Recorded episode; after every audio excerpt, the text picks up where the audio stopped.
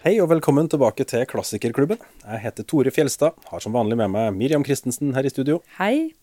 Og back by popular demand, vår faste gjest, forfatter og litteraturprofessor Janne Stigen Drangsholt. Hallo. Veldig kjekt å være tilbake. Ja, det er så fint å ha deg her, altså. Um, det her semesteret så har vi gjort litt nytt i Klassikerklubben. Vi har vært innom uh, et nytt kontinent, egentlig. Eh, subkontinent, i hvert fall. India har vi vært inn på. Og det her, i dag, blir vår første prat om en klassiker fra Afrika. Vi har rett og slett ikke vært i det afrikanske kontinentet i det hele tatt. Så det er på tide. Hvilken bok er vi skal snakke om, Janne? I dag så skal vi snakke om J. M. Cutsies 'Waiting for the Barbarians', som kom ut i 1980. Mm. Er det her en bok som mange kjenner til, eller skal vi ta en liten eh, Altså, hva, hva, hva Ja, handler den om? For jeg tenker kanskje at det ikke er en bok som så mange kjenner til. Det er vel kanskje, For det er jo mange som kjenner til Cutsie siden han har vunnet Nobelprisen Mm. i litteratur. Men jeg tror det er vel kanskje den 'Disgrace'. Mm. Eh, kan hete 'Vanære' på norsk. Vanære, ja. Ja, at den er litt kjent, mer kjent eh, blant hans bøker. Det som jeg, for jeg snakket med mannen min om dette den andre dagen, at eh, er egentlig en sånn forfatter som har forsvunnet litt, har han ikke det?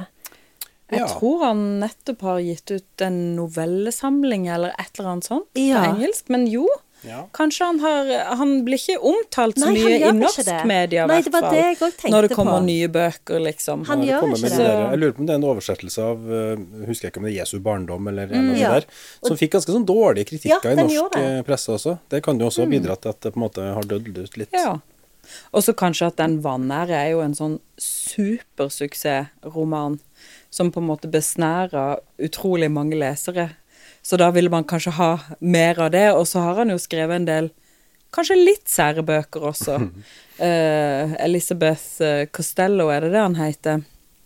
Som er en sånn blanding av essay og fiksjon og Ja, det er litt sånn Det er vanskelig å plassere, tenker du. litt vanskelig å plassere, og kanskje temaet er litt smalt, eller måten han skriver på kan være litt sånn innfløkt for en sånn leser som bare ønsker en sånn streit fortalt historie. Ja, det er jeg helt enig i. Det er et sånt et brev som han har skrevet til Paul Auster på et tidspunkt, og der skriver han det at han syns at litteratur er helt sånn uinteressant hvis ikke det er noe som ikke har blitt gjort Altså, hvis du ikke skal prøve å gjøre noe som ikke har blitt gjort før.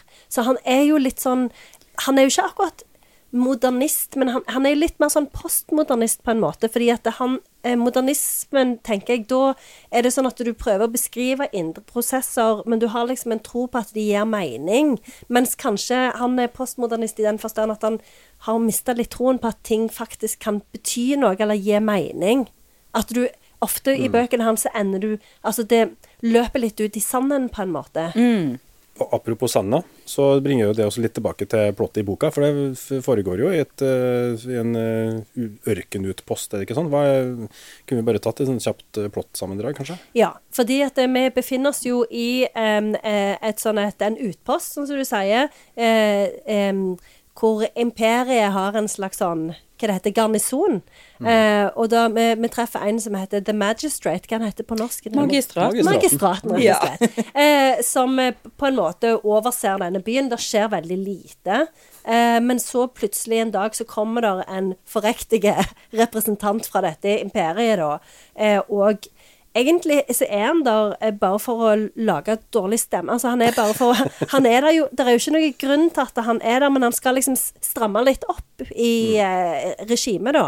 Eh, og, og finne noen ekte fiender. Så han lager jo han lager jo Altså, du kan jo si at han lager jo en historie om at det er noen fiender som må samles sammen, sette i gang et sånn et torturregime eh, basert på ingenting, eh, og ødelegger jo egentlig eh, hele denne harmonien på en måte som har eksistert fordi at alle har glemt denne her garnisonen.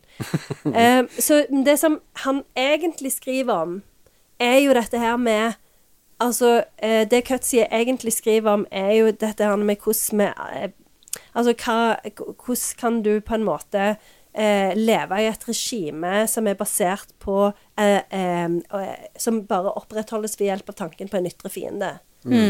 Eh, fordi at han eh, eh, Dette her 'Waiting for the Barbarians' er jo eh, eh, jo på et dikt.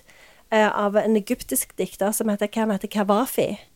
Ja, Ja. er det ikke det? Er det, ka, det er det Kafavi? gresk, Jeg klarer aldri- egyptisk, eller hva Ja? Ja. Kavafis. Kavafi, ja. Vil du lese litt eh, av det, kanskje, Miriam? Ja, tittelen på diktet er 'Mens vi venter på barbarene'. Uh, hva venter vi på her vi står samlet på forum, på barbarene som kommer i dag? Hvorfor er det en slik uvirksomhet i senatet? Hvorfor sitter senatorene sammen uten å gi lover? Fordi barbarene kommer i dag. Um, og så avslutter diktet med at uh, Og nå, hva skal det bli av oss uten barbarene? Disse menneskene var tross alt en løsning. Og det er jo egentlig oppsummert uh, denne romanen, da. Absolutt. Og det er jo det som er så fascinerende, fordi at det um, Altså, på en måte så har jo denne boka blitt tolka som en allegori uh, på apartheid-regimet. Fordi at det, de Kanskje de bøkene Cutzy er mest kjent for, de tar jo for seg apartheid-regimet på et eller annet nivå. Men på samme måte som Cormac McCarthy gjør i The Road, eller på samme måte som Samuel Beckett gjør i Endgame, så er det liksom Det er jo ikke noen Det er jo sånn som du sier, Tor, at det er jo, det er jo en ørken, så det er liksom Det er jo ikke noe navngitt sted. Det er jo ikke noen det, det, det er liksom ikke satt en dato eller en lokasjon på dette. Og dette er jo noe Cutzy har blitt kritisert for, fordi at det, det er jo mange som mener ok, men du er for feig til å ta opp liksom den politiske realiteten. Men, men samtidig så må en jo òg si det sånn at det, er jo, men det får jo mye større kraft òg når du setter det i et sånn et eh, en navnløs kontekst, da. fordi at da kan de Altså da, da blir det plutselig veldig relevant for oss, for Ja, det føles mer universelt, liksom. Ja. Mm. Ja, og denne boka kom jo ut i 1980. Og det er jo ingenting som knytter den til verken tid eller sted. Og jeg vil si at coveret på den norske 1983-utgaven er jo en ren tolkning av boka også, for det er bilde av en hvit, gammel mann, og så ser han to Dere gjenskinner to afrikanere i, i, eh, i brillene hans. Og han, er, det- han er åpenbart moderne solbriller. Også. Ja, Så det ser jo litt sånn 1970, 80, 60 Ikke sant. Så jeg tenker at mm. her har man tenkt veldig det fordi Cutzy er fra Sør-Afrika, at det må jo være dette det handler om. Men jeg tenker også at han tenker mye større, da.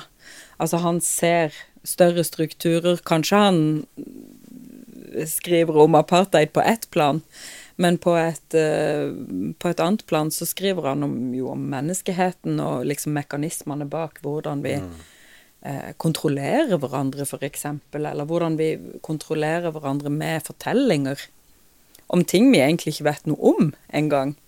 Og fremmedfrykt, Ja, helt enig. krig, Ja, absolutt. flukt Alle disse veldig allmenngyldige tematikkene. Ja, for det er jo, det er jo nettopp det der med Altså, for hvis du skal tenke på eh, konflikten i Gaza, da, så er jo det en konflikt hvor du er avhengig av å ha veldig et veldig tydelig fiendebilde.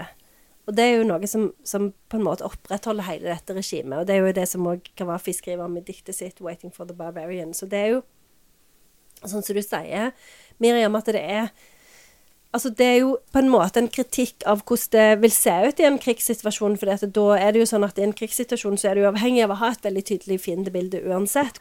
Men det kan jo òg si at det er en, en kritikk av hvordan Altså, det ligner litt på den kritikken som Derrida ordla, eh, eller ordga, eh, på 80-tallet mot den vestlige sivilisasjonen. fordi at han sa jo at det, vi har liksom blitt avhengige av å bruke dikotomier eller binære opposisjoner for å forstå virkeligheten.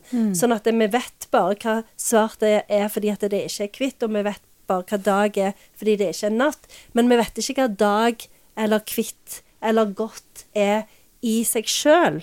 Og det er jo òg faren med, for, det, for det, her er det jo en sånn en um, Den derne trangen som de har eh, nesten alle, eh, eller i hvert fall både magistraten og de andre som vi får liksom tilgang til, har jo et veldig sånn sterkt behov for at det skal enten være sånn eller sånn. Altså det, skal, det er ikke rom for noen nyanser. Eh, og ting forstås ikke ut av seg sjøl bare på bakgrunn av deg sjøl, eller Så det er liksom denne, denne oppdelingen av virkeligheten gjør jo at de ikke forstår noen ting. Og, og, og at de er veldig sånn uvillige til å sette seg inn i andre sitt sted, da. Så det er jo, det er jo på en måte Altså, det er jo en, en kritikk av, av den måten å forstå virkeligheten på. Det er jo kritikk av imperialisme. Eh, det er jo kritikk av ganske mange sånne store mekanismer som vi har sett, liksom, i Ja, fra Europa, da, på he hele 1900-tallet. Jeg syns det er litt interessant å se hvordan eh, altså Når han der eh, oberst Joll eh, kommer til det her stedet og begynner å røre i gryta og få snudd opp ned på alle mekanismene som på en måte har fungert, da. og til slutt går til krig mot alle de her spredte barbar, barbarstammene, de nomadiske folkene, så får jo de en felles fiende plutselig som, som gjør at de samler seg. Ikke sant? Så, så selv om det ikke var en dikotomi der i utgangspunktet, om de egentlig ikke var enten eller, så, så ble det til det av eh, hans handlinger. Eh, Men hva slags eh, altså, Jeg jo litt interessert i den der oberst Joll. Altså, Er han rett og slett bare der for å skape kvalm? Eller altså, hva er på en måte hans motivasjon for det? Hva, hvorfor, hvorfor er det en, eh, en viktig ting? Jeg tenker på mange måter det minner, det minner litt om sånn Kafka, Ja. eh, hele denne oppbygninga av denne romanen. Fordi vi møter jo denne magistraten som har et fredelig liv i en garnisonby, som ligger i utkanten av imperiet. Ved, helt ved grensen til dette barbarområdet. Og så kommer liksom det bare plutselig en fyr, helt litt sånn ut av det blå, med denne fortellinga om at disse barbarene kommer til å ta over og, og angripe oss. Og det er henta litt sånn ut av ingenting. Og det er veldig sånn kafkask eh, følelse i det. Ja, det, rett, ja. Ikke sant? At han, han, han har jo et ganske godt liv, han magistraten i denne byen. Han driver med litt sånn historisk research i noen oldtidsruiner, får du inntrykk av utafor denne lille eh, byen, og han har et eh, elskovsliv med sånne lokale prostituerte osv. og og, og spiser godt, ikke sant. Han er litt pløste og sånn. Um, Og så kommer det en som har en høyere rang enn han, og bare begynner ja, å ødelegge. og det er jo litt sånn Josef K. som bare Ja. plutselig blir henta ut av sitt soverom og st- skal stilles for retten, over man vet ikke helt hva. Og det er jo også et motiv i denne boka, at loven, den er også egentlig ganske meningsløs. For det er jo magistraten som liksom håndhever loven i denne byen, og så lenge han gjør det med sin på en måte menneskelighet og rettferdighetssans, så har det jo sin funksjon. Men når han eh, Er det Joll eller Jol han heter? Ja, jeg tror det er Joll. Joll. Ja. Eh, når han kommer, så oppløses jo på en måte all sånn logikk, eller Da blir loven noe og, og, annet. og menneskelighet. og- Ja, og da blir jo Alt snus jo opp ned, og, og magistraten blir jo sjøl eh, fengsla mot slutten av fortellinga. Og da går han liksom bare sånn Kan dere ikke bare snart stille meg for retten? Sånn at jeg får sagt noe til mitt forsvar? Og det blir han aldri. Det bare fisler helt sånn ut. Så det Jeg tenker det er også en av Cutsy sine sånne geniale ting, da. Han klarer faktisk å skrive en slags prosessen i en moderne kontekst på 80-tallet, da. Jeg er helt enig. Og det er jo veldig interessant med han Joel, for at han ble jo helt fra begynnelsen av så blir han jo presentert som en som er, er ute etter sannheten. Eh, for, sånn, for eksempel allerede på side tre så er det sånn at det, eh, han eh, eh, magistraten sier om Joll His work is to find out the truth. That is all he does. He finds out the truth. Og det er liksom noe som blir gjentatt igjen og igjen. Men så er det jo samtidig dette her med, sånn, med disse solbrillene som vi har på coveret. fordi han, han dukker jo opp, og, og de er jo ikke vant med å se solbriller. Det er jo ingen andre som har solbriller i Og det, han har jo sånne solbriller som gjør at du ikke kan se øynene hans. Sånn at det, det du ser, er på en måte deg sjøl. Altså du, ditt eget speilbilde blir reflektert. Eh, og det er jo dette her med Altså at øynene er sjelens eh, speil, da. Eh, så, så han eh, Altså, han er jo en som du ikke kan se øynene til. Du ser bare deg sjøl reflektert. Eh, og han er en som bare er der for å finne ut sannheten. Men det er jo nettopp det med denne relativismen, da. Fordi at det, og det er jo veldig, veldig likt Kafka, sånn som du sier. Fordi at det er jo ikke det er jo ikke sannheten i et sånn et eksistensielt perspektiv han er ute etter å finne. Han er jo bare ute etter å finne det svaret som han vil ha. Eh, som på en måte eh, eh, for, forteller han at ja, vi var her for å spionere. Og han bruker jo tortur for å, for å, finne, for å, få, de, for å få sannheten i anførselstegn, eller for å få de svarene han vil ha. Og jeg syns det òg er veldig interessant hvordan eh, Cutsie klarer også lage et sånn et eh, eh, motsetningsforhold mellom kroppen og språket i denne boka. Og det er jo litt òg sånn som Kanskje litt òg sånn som i ja, både Kafka og kanskje òg litt han Camus. Eh, litt den der den der med at språket Altså, du Språket blir noe som Altså, det blir ikke et redskap for å utforske, det blir bare et, språk, et redskap for å bekrefte. Og noen ganger så står jo kroppen i veien for dette, fordi at det eksempel sånn så eh, Hvis vi skal snakke om øyne igjen, da, så er det jo sånn at han magistraten, han treffer jo ei, ei unge kvinne som blir torturert av Eller som har blitt torturert av oberst Joll. Og hun har jo blitt blind av dette. Og så prøver han, magistraten ved hjelp av språk, å finne ut om hun egentlig har blitt blind. For han tror liksom ikke helt på det. Og så han spør jo hele tida sånn Ja, kan du se dette? Kan du se dette? Og så sier hun ja, jeg kan se noe, men jeg, jeg kan ikke se alt. Og så er det liksom sånn at det, at det blir liksom sånn at han prøver å se på henne, se om hun kan se, og prøver liksom å, å, å bruke kroppen hennes som en slags sånn bok, da. At, liksom, at kroppen hennes skal gi henne noen svar. For det er jo kroppen som har blitt torturert, så det er jo den som på en måte skal åpne opp og gi svar. Så det er et sånn et underlig forhold mellom kroppen og språket. For språket er jo ekstremt relativt, og det gir jo egentlig ingen svar. Så det er, det er noe sånn veldig problematisk Jeg merker at jeg har litt sånn vanskelig med å forklare det, egentlig. Fordi det er kompliserte ting han skriver om uh, Cutsie her. Og samtidig så er det liksom en veldig enkel historie som blir fortalt hele tida. Men så leser du jo Altså, det er jo tankene til magistraten, da. Ja, for det er jeg-form, er det ikke? Det er i en jeg-form. Eh, og han forteller jo om ifra oberst Joll kommer for første gang, og hva som siden skjer med denne landsbyen. Og hele historien går jo bare egentlig ut på liksom sivilisasjonens forfall idet man begynner å liksom tukle med naturen, holdt jeg på å si, eller eh, når man begynner på en måte å, å blande seg inn i de lokale forholdene som man egentlig ikke har et forutsetning for å uh, kunne leve sammen med, ikke sant? Og ikke interessert i å forstå, for her handler det om å bare altså, Administrere. Ja, ikke sant. Det her området Ja. er vårt nå. Vi Ja. bestemmer. Ja. Så Ja. Det er jo flere grupper her. Det er jo disse barbarene som bor Men de bor langt ute, liksom, på et sånn slags steppelandskap eller sånn. Men det er også en sånn fiskerstamme som bor sånn rett utenfor bymurene. Eh, og, og de blir hele tida omtalt som sånn De er helt sånn sjuskete og Altså, de kan ingenting og skjønner ingenting, og de, det eneste de kan, er å fiske litt og, og sette opp noen sånn provisoriske hus. Og de selger hva Altså, de skjønner, in, skjønner seg ikke på økonomi, da, på penger, så det, de kan gi fra seg hva som helst for et lite fingerbøl med sprit. Altså, det, det er veldig sånn Det er en veldig enkel fortelling på den måten, og så rommer den så vanvittig mye tankegods da rundt egentlig hele, som du sier, 1900-tallets europeiske vestlig historie. Mm. Skrevet fra et lenger enn 1900, sørafrikansk ja. synsvinkel. Altså, det er veldig mange spennende lag her. Jeg tenker at det er vanskelig å skrive den boka i Sør-Afrika i 1980 uten at apartheid blir, altså, blir tolka inn i det uansett.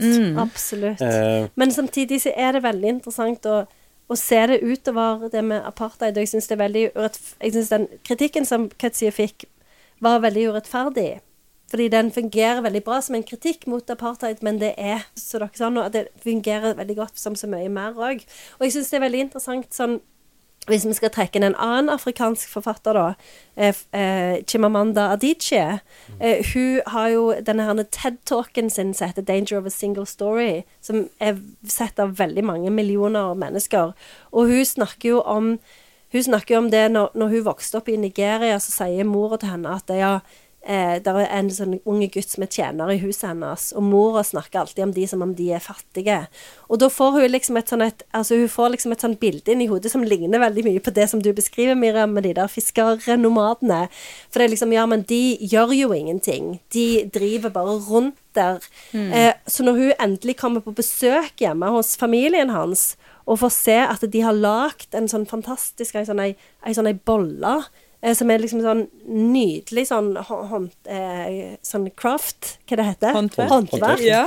Så blir hun helt sånn Ja, men dette kan jo umulig Altså, hun blir veldig sånn konfrontert med at virkeligheten er veldig sånn mangefasettert, og ikke så enkel som hun har blitt fortalt. Og det er jo det som er hele hennes budskap da med altså, The danger of the single story er at det er veldig farlig å liksom forenkle virkeligheten, sånn at du kjøper inn i den ene historien. Og det er jo òg det som Cutsie sier her i denne boka. Altså, det er jo det som Barbarians da på ett vis symboliserer. Mm. Og så er det jo også sånn at han magistraten, han er jo en veldig annerledes mann. Veldig annerledes menneske, da, enn disse eh, militære som kommer inn til byen.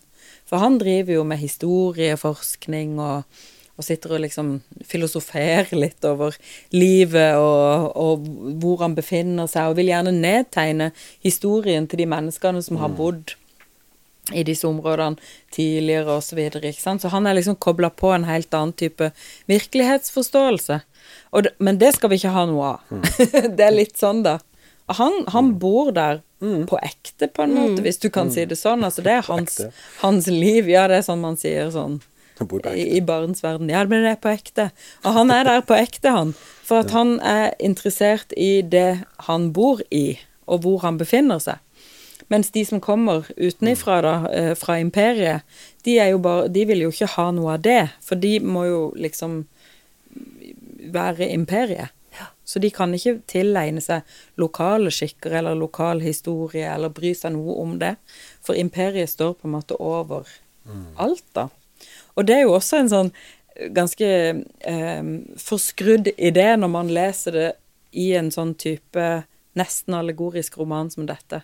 Så blir jo det en veldig absurd ting. Um, det var et sted det sto noe om at de heita Hva var det sto for noe? Lysets imperium, eller et eller annet Mm, Stemmer sånt. da. Ja. um, jeg kan ikke redde fangene, la meg derfor redde meg selv, for at det i det minste kan sies om det i en fjern fremtid skulle finnes noe menneske som er interessert i å vite hvordan vi levde, at det på denne ytterste utpost i lysets imperium fantes én som ikke var barbar i sitt hjerte. Men så er det jo veldig interessant, da, for selv om han er Og vi heier jo på han, for vi får jo hele denne fortellingen fra hans perspektiv. Men han er jo medskyldig òg, fordi at han tilhører jo tross alt imperiet. Så han er jo Og på slutten For det er jo veldig interessant det som du sier med liksom at han vil skrive ned historien, han prøver å finne ut Han har funnet disse her the tablets, eller liksom sånne tavler som han prøver å tyde, men det er et språk han ikke klarer å forstå. Men på slutten så her har han jo et sånt et ønske om å bli skrevet ut av historien. Som jo er veldig interessant, fordi at det er Han vil jo aldri Altså, han vil jo aldri Han er jo en passiv eh, medløper, da. Men Ja. han er likevel en som tilhører imperiet.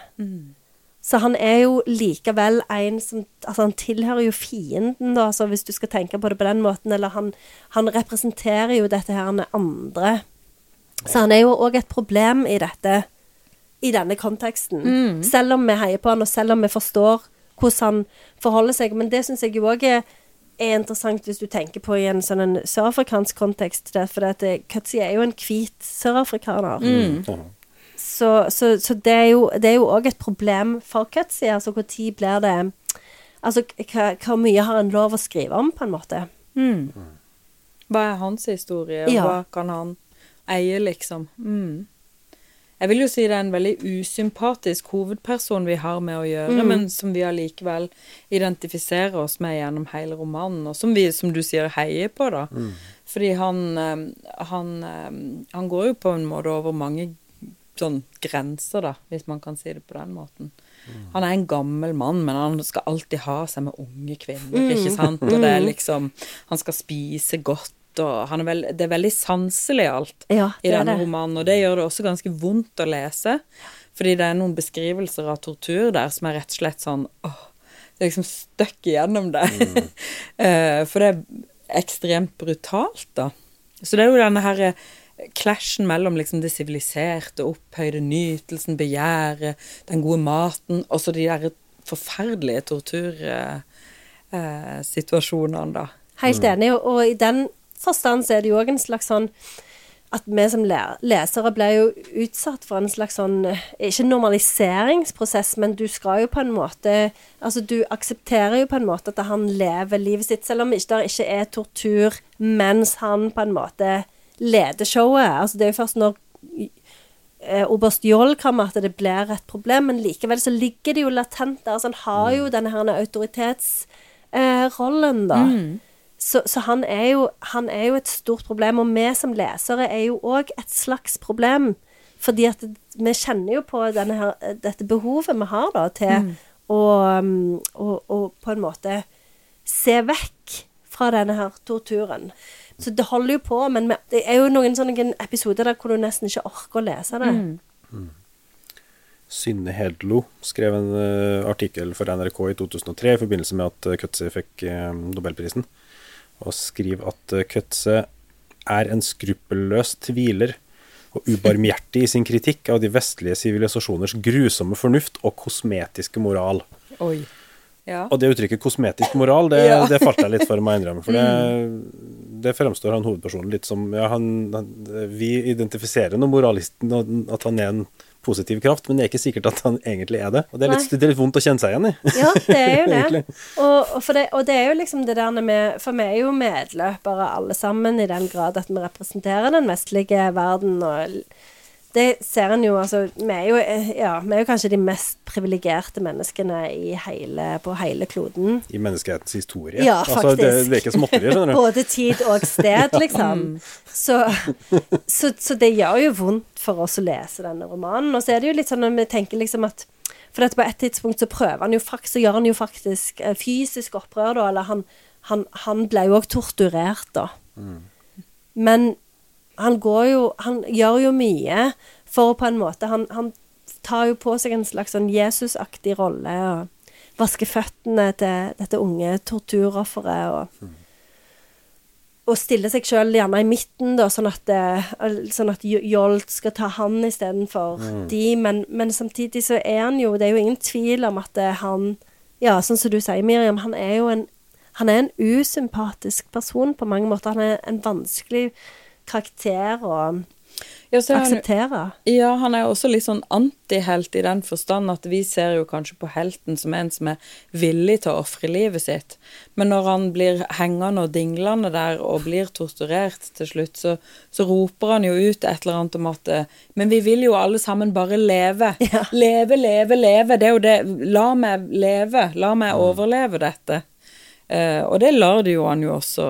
Han blir jo torturert kun for syns skyld, da, for dette er noe alle i byen stimler sammen og ser på når de her scenene nå har vi samla oss alle sammen, nå må vi gi dem et lite show, liksom. Ja, ja, det er nettopp det. Ja, men det er sånn. Ja. Men da, da, så han er jo ikke villig til å dø heller for en eller annen sak, eller for sin tro på livet og Men vet du hva, verden. det tror jeg de færreste er når man blir torturert. For å være helt ærlig. Altså Selv om han oberst Joll eh, mener at eh, tortur får frem sannheten, for den kan eh, høre det på tonefallet, eller hva det var. ja. Altså, det er jo bare tull.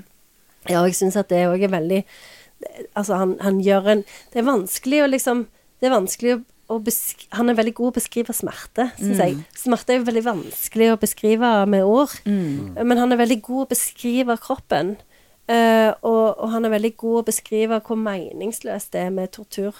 Eh, og det er jo selvfølgelig på en måte noe vi vet, da. Men liksom det der med hvor tydelig han gjør det, sånn som når, når han gjen, når oberst Jarl gjentar dette med sannhet, og liksom hvor tidlig du forstår det som leser, at ja, men dette har ingenting med sannhet å gjøre. Og det er jo liksom sånn på, I en sånn torturscene så er det jo en som har skrevet 'enemy' eller 'fiende' på ryggen, men etter hvert så blir liksom det ordet utviska av slagene, da. Så han, han, han gjør en sånn en utrolig god jobb eh, med å beskrive hvor meningsløst og liksom tortur er i forhold til det med å finne sannheten. Og så er han jo òg Jeg syns han òg gjør en veldig god jobb med Altså hvis vi skal snakke om imperialisme, da, sånn Sånn som det showet som dere sier, som, som de setter opp eh, når de torturerer magistraten.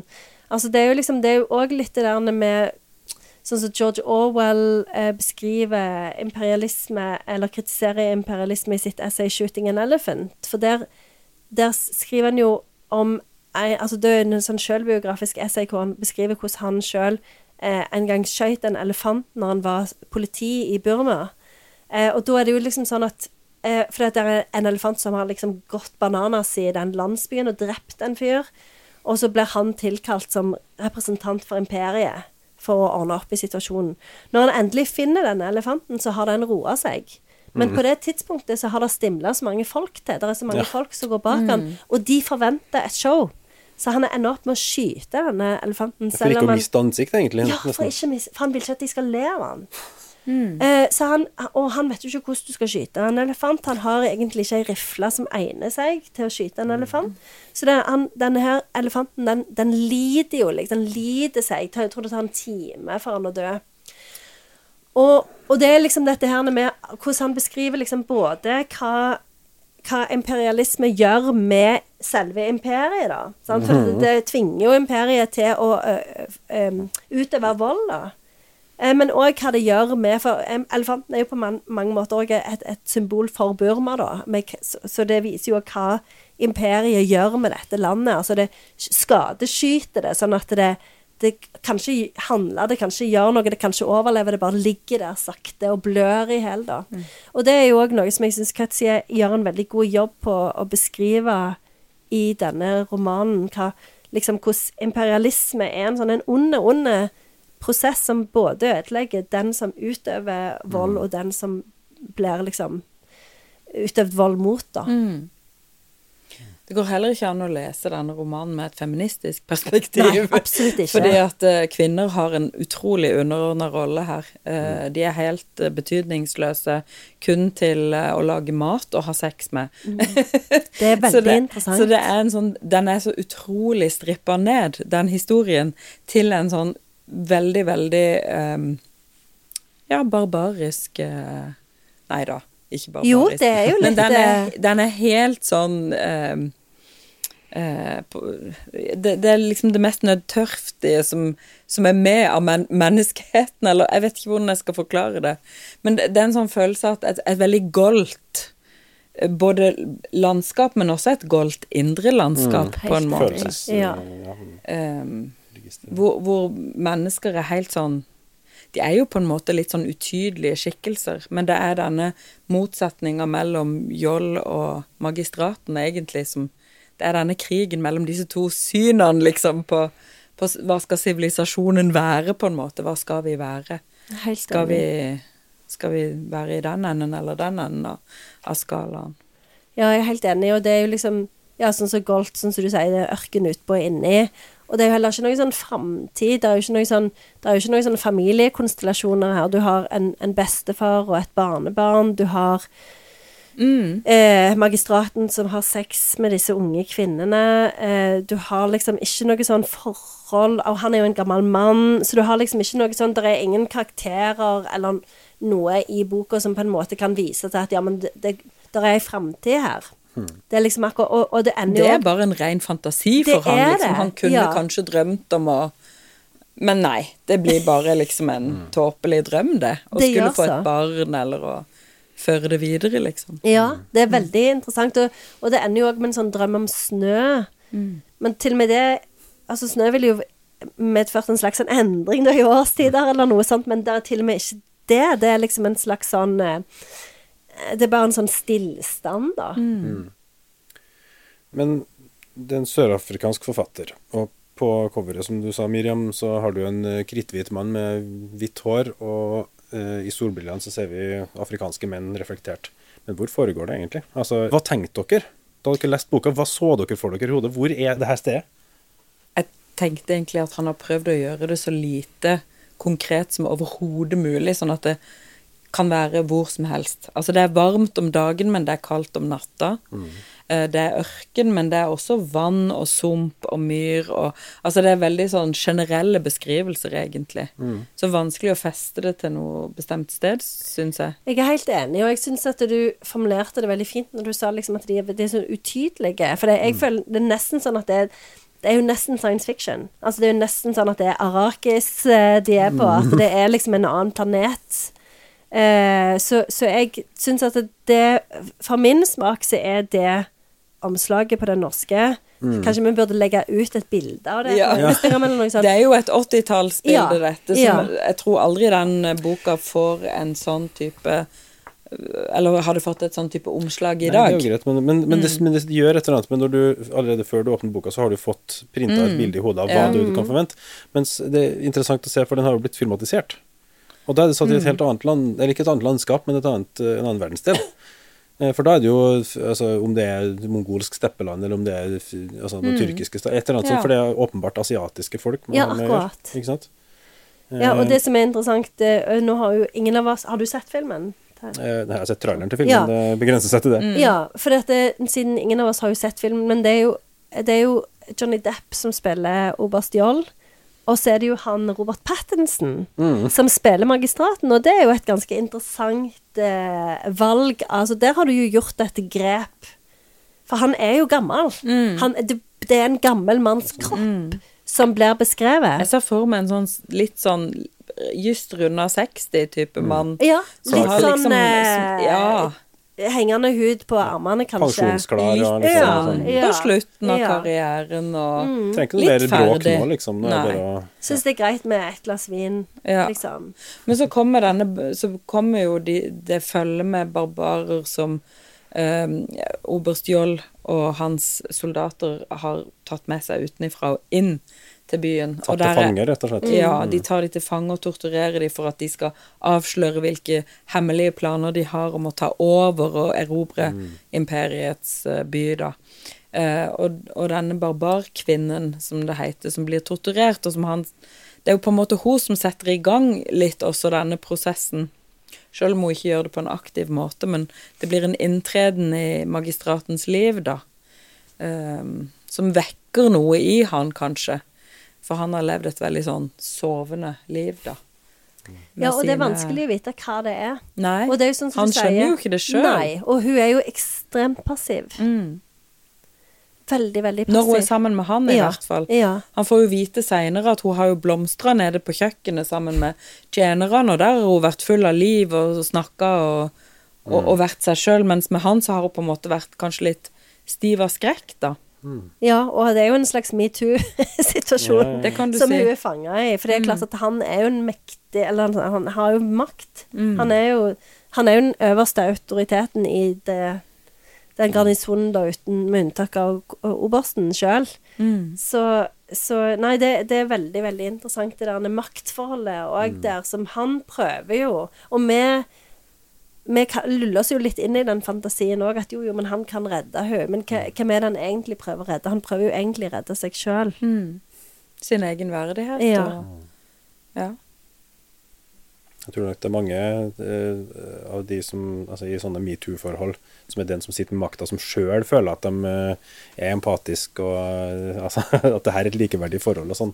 Men sett fra den andre sida, så ville det vært ganske annerledes. Ja, og det er ganske tydelig beskrivelse av dette her, men han reflekterer så mye over det sjøl. Og jeg tror det er derfor vi identifiserer oss med hovedpersonen også. Ja. Fordi han har en sånn veldig høy grad av refleksjon over alt han foretar seg, og alt som skjer hele tida.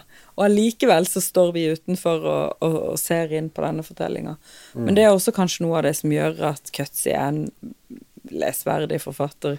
En forfatter vi ikke blir ferdig med fordi han skriver sånne bøker. Altså, det er ufattelig mange år siden jeg leste 'Vanære nå', for eksempel. Men den kan jeg plutselig ta med i og gå og tenke på. Noen scener eller noe tematikk eller et eller annet. Liksom kraften i de der fortellingene hans sine er litt sånn Ja, det sitter liksom i det. Jeg er helt enig. Jeg er helt enig. Og så er det liksom det der med uh, Sånn som du sier, at det er graden av refleksjon. Og han, han tar det så langt. Altså, du følger han som leser, og så tenker du å ja, så tar han det lenger enn det gjerne en, en sjøl klarer å, å reflektere. Og så får han nye innsikter, men så er det likevel et sånn et punkt hvor en ikke klarer å skjønne ting. Hvor ting blir ikke meningsløse, kanskje, men hvor du liksom når et slags sånn sort hull, da. Det er jo derfor det blir så ironisk med denne sannheten, for du innser jo som leser at sannhet er jo noe som vi mennesker absolutt ikke har tilgang til. Altså, du kan jo ha verdier, du kan jo ha moral, du kan jo ha eh, ting du tror på i livet, men, men med sannhet er veldig, veldig utilgjengelig, da. Um, og det òg syns jeg er så utrolig sånn um, det, er så, uh, det, det er jo det som gjør at litteratur blir så viktig, da. Eh, fordi at det hjelper deg liksom å, å, å se på en måte både få den innsikten i at san sannhet er noe vi ikke har tilgang til, men òg å liksom reflektere helt til det punktet, da. Eh, og, og, og, og en annen enklere roman, så ville en jo kanskje tenkt seg at jo, jo, men kanskje det var et sånn et Kanskje det var et opprør. Kanskje det var noen av de som bor i det, den plassen, som, som gjerne kunne tenke seg altså, Hvis det hadde vært Star Wars, for eksempel, så hadde du hatt rebellene. Ja, du har jo ja. imperiet i Star Wars. Ja, sant, du har jo det. Ja. Og der har du jo faktisk en rebellbevegelse, men det er jo ikke Altså, det, han, det er ingenting som er så enkelt her. Du, det, han, vil, han gir oss ingen rebeller. Så alt blir så mye mer komplisert. Alt blir så mye mer relativt. J.M. Cutse sitt litterære virke er jo på en måte Det er jo kjempesvært. Altså nobelprisvinner. En av de få som har vunnet Booker-prisen to ganger. Denne boka, 'Waiting for the Barbarians', er kanskje gjennombruddsromanen hans. Vunnet flere priser, blitt filmatisert, eh, blitt til opera. Eh, Oi. altså, Philip Glass har lagd en opera i 2005 eh, basert på den. Eh, den står på Penguin sin liste over Great Books of the 20th Century. De 20 beste bøkene. Der er den med.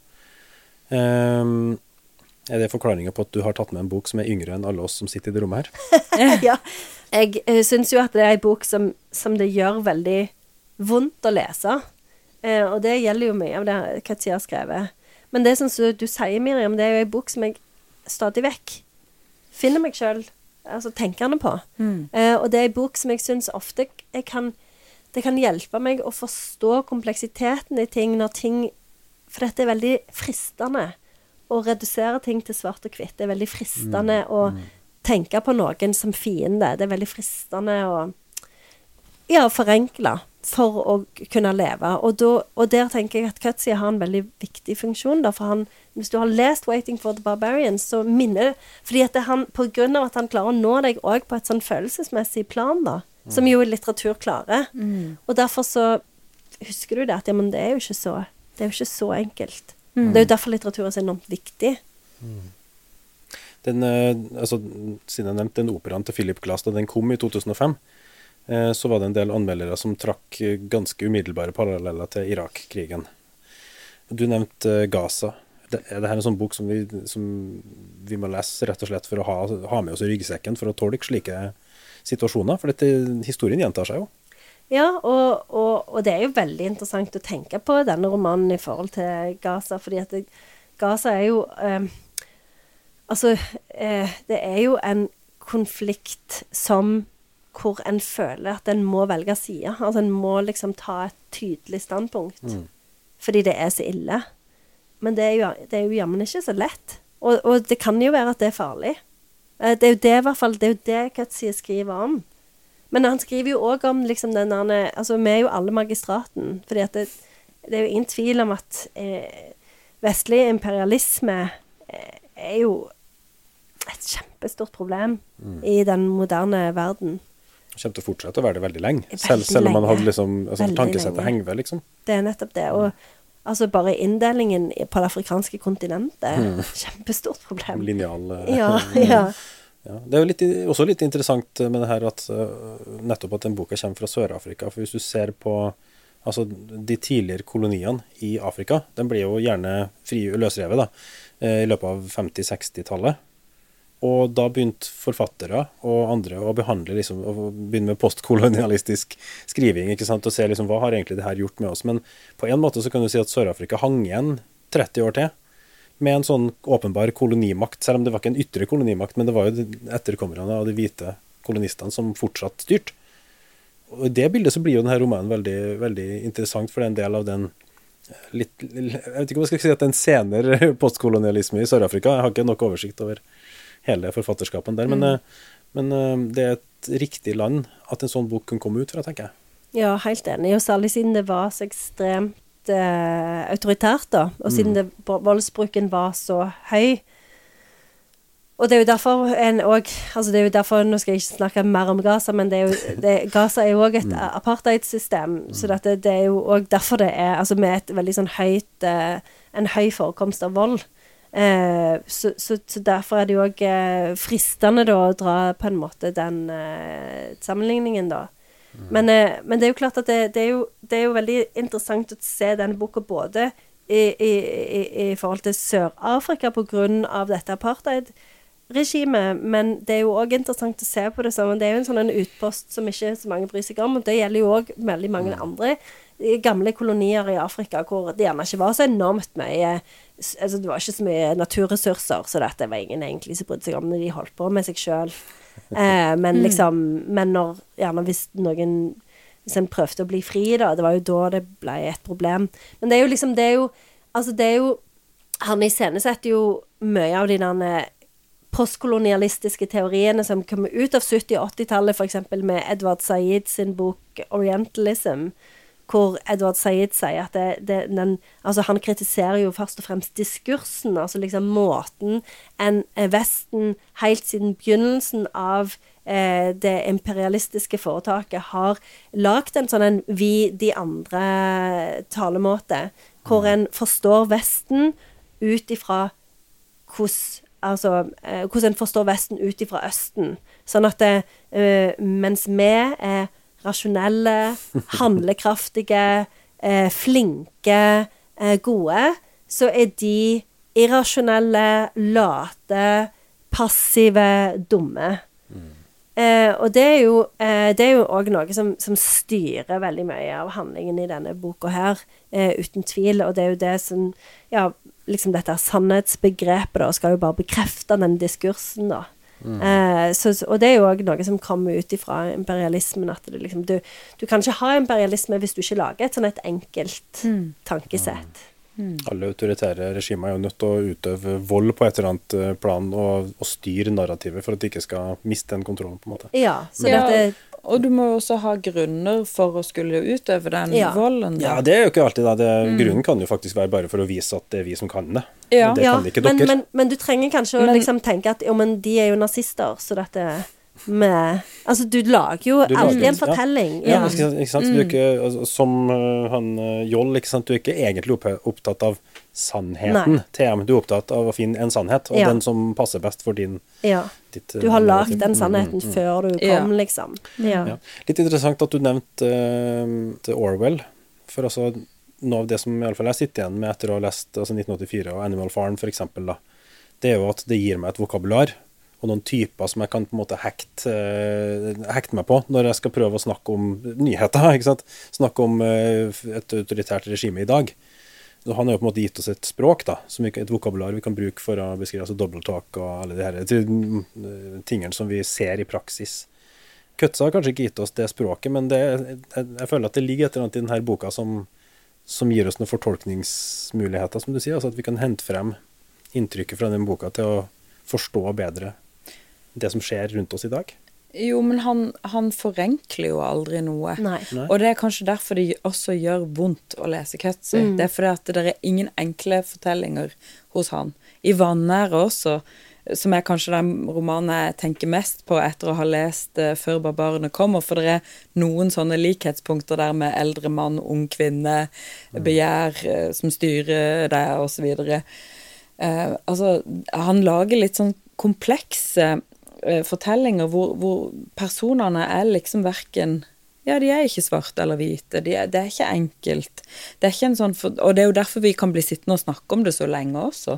Mm. Fordi at det er så mange Det er en hel sånn vifte av, av ulike fortolkninger og tanker, og du, og du, tenker på noe nytt, og um, Han slår ikke liksom i bordet med noe. Det, det er veldig Alt er veldig menneskelig. Mm.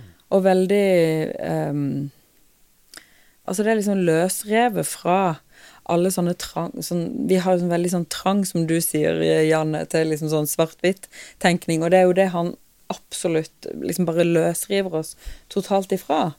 Og jeg tenker kanskje derfor blir det ikke noe sånne catchy phrases ut av mm. bøkene hans sine, for det at eh, det er for komplekst til det. Det er ikke noe du kan oppfatte enkelt og kjapt. Mm. Jeg skal prøve å ikke kommentere det med at det er en sørafrikansk forfatter som gjør en bok som ikke er svart-hvitt, men uh, vi, lar, vi, vi, lar, den ligge. ja. Men, ja. men, uh, men uh, hvis jeg kan utfordre deg, Janne. Hvis du hadde en relativt litterært interessert person hos deg, og så skulle du overbevist dem om hvorfor de skal lese akkurat den boka her, hva ville du ha sagt da? Hva er liksom det du ville ha solgte den inn med? Jeg ville sagt at det, den er vits å lese fordi at du forstår hvor komplisert verden og menneskene er. Og det er utrolig viktig å forstå, særlig i vår egen tid, hvor liksom du tror at du har oppfatta en sannhet ved å se en sånn TikTok-video på ti sekunder, eller sant. Vi er jo veldig kjappe. Vi har veldig lyst til å få liksom Vi har lyst til å ha catchphrases, vi har lyst til å forstå ting veldig, veldig kjapt. Dette er jo ikke ei, ei lang eh, Det er jo ikke ei stor bok. Den er jo bare Hvor mange sider er den? ikke er 200 eller? Ja, eh, ja 180 170 sider.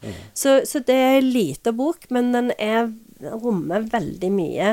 Og, og jeg angrer litt på at jeg brukte ordet relativisme, for det er jo ikke relativisme. Det er bare en roman som eh, eh, som, som passer på eh, kompleksiteten.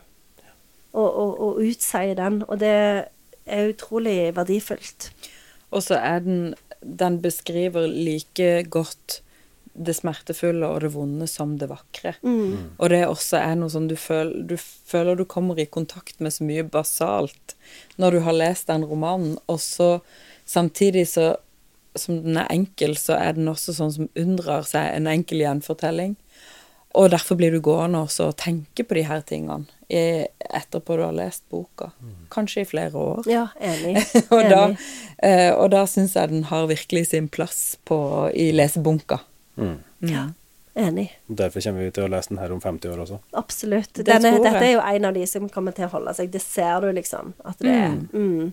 Så vi, vi snakker kanskje om en moderne klassiker, men det er absolutt allerede en klassiker. Ja, helt enig. Det var godt vi fikk eh, etablert det. Ja. Da tror jeg vi lar det være siste ord for i dag. Så må jeg si en tusen takk, Anne, for at du ville komme til oss. Det var Tusen hyggelig. takk for at jeg fikk komme. Det er jo det kjekkeste jeg gjør. Ja, veldig bra. Og takk for at du hørte på. Ha det. Den skal med. Veldig bra.